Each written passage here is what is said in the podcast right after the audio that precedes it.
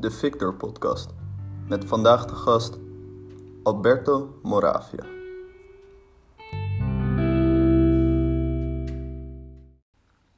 Ik zit hier vandaag met schrijver Alberto Moravia.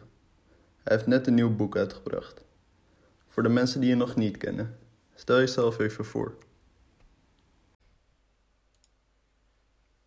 Ik ben Alberto, schrijver zoals je zei. Maar behalve boeken schrijf ik ook nog de nul en ben ik journalist. Ik ben geboren in Rome in 1907. Je kan me kennen van boeken als De Onverschillige, bijvoorbeeld De Conformist. Ik word vaak gezien als een van de belangrijkste Italiaanse schrijvers uit de 20e eeuw. Ik kom van een familie waar de liefde voor literatuur heel diep zit. Ben zelf ook een schrijfster getrouwd.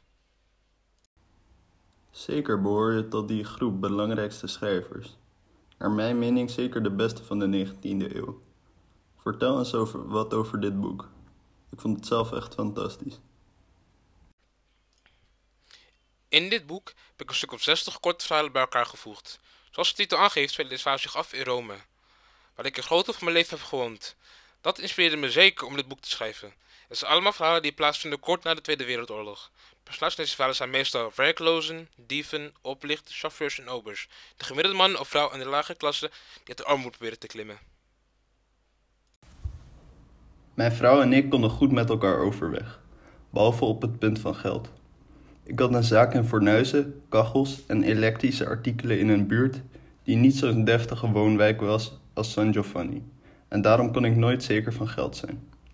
Er waren goede dagen dat ik een fornuis verkocht voor 40.000 lieren.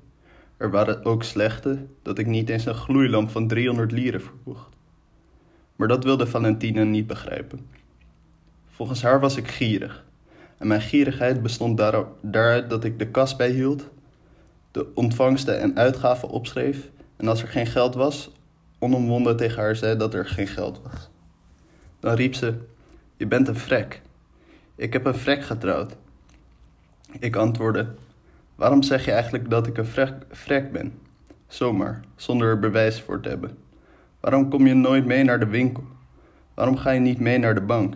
Dan zal ik je laten zien wat ik verkoop en niet verkoop. Ik zal je laten zien hoe slecht het met mijn rekening gesteld is. Ze antwoordde dat ze er niet aan dacht zich in de winkel te vertonen, omdat ze geen winkelierster was en haar vader ambtenaar was geweest. Wat de bank betreft, daar ging ze niet heen, omdat ze er niets van begreep en dus moest ik haar met rust laten. Dan legde ze haast liefdevol uit: Zie je, Augusto, je bent nu eenmaal gierig. Zelfs al gaf je alles uit wat je hebt.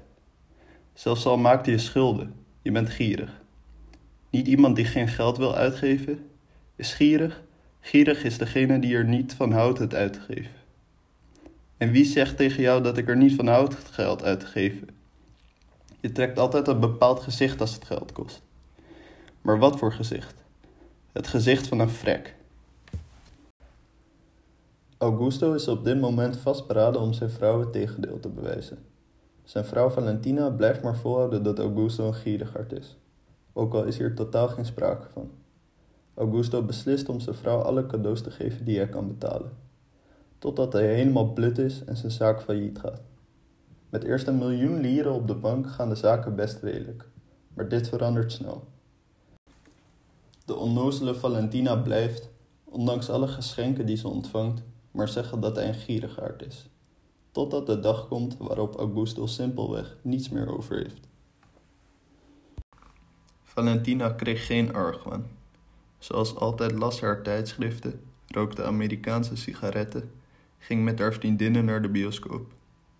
Alleen af en toe zei ze bij een nieuw cadeau nog voor de vorm. Zie je dat ik gelijk had toen je zei dat je geen geld had, en arm was en het niet meer aankon? Nu geef je veel meer uit. Je bent, ik zeg niet gul, maar tenminste minder gierig en het geld vind je toch. Ik zei niets, maar in mijn binnenste herhaalde ik: Wacht maar voor je victorie kruid. En dan komt het einde van het verhaal, mijn favoriete deel. Ze verdween in de andere kamer en kortom ook uit mijn leven, omdat ik haar sinds die ochtend niet meer heb teruggezien. Na een poos stond ik op en ging zelf ook het huis uit. Het was een zonnige dag.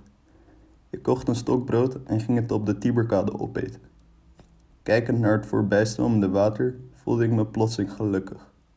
en dacht dat die twee huwelijksjaren niet meer waren geweest dan een onbetekenend avontuurtje. Als ik oud was, zou ik me ze niet meer herinneren als twee jaren, maar als twee dagen. Ik had het stokbrood langzaam op en pakte daarna de hals van een fontein en dronk. Wat later ging ik naar mijn broer en vroeg of ik bij hem kon logeren tot ik werk had gevonden.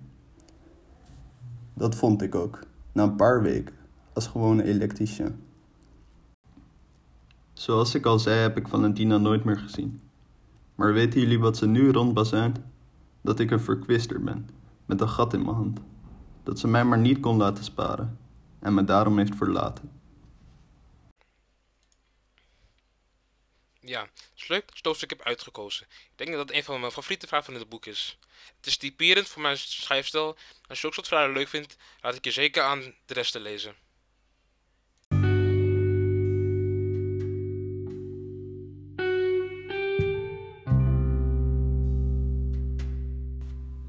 Dit was de podcast van vandaag.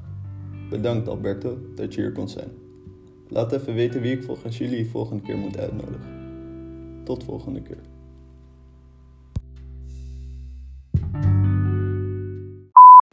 Met dank aan Kiffel voor de voice-over.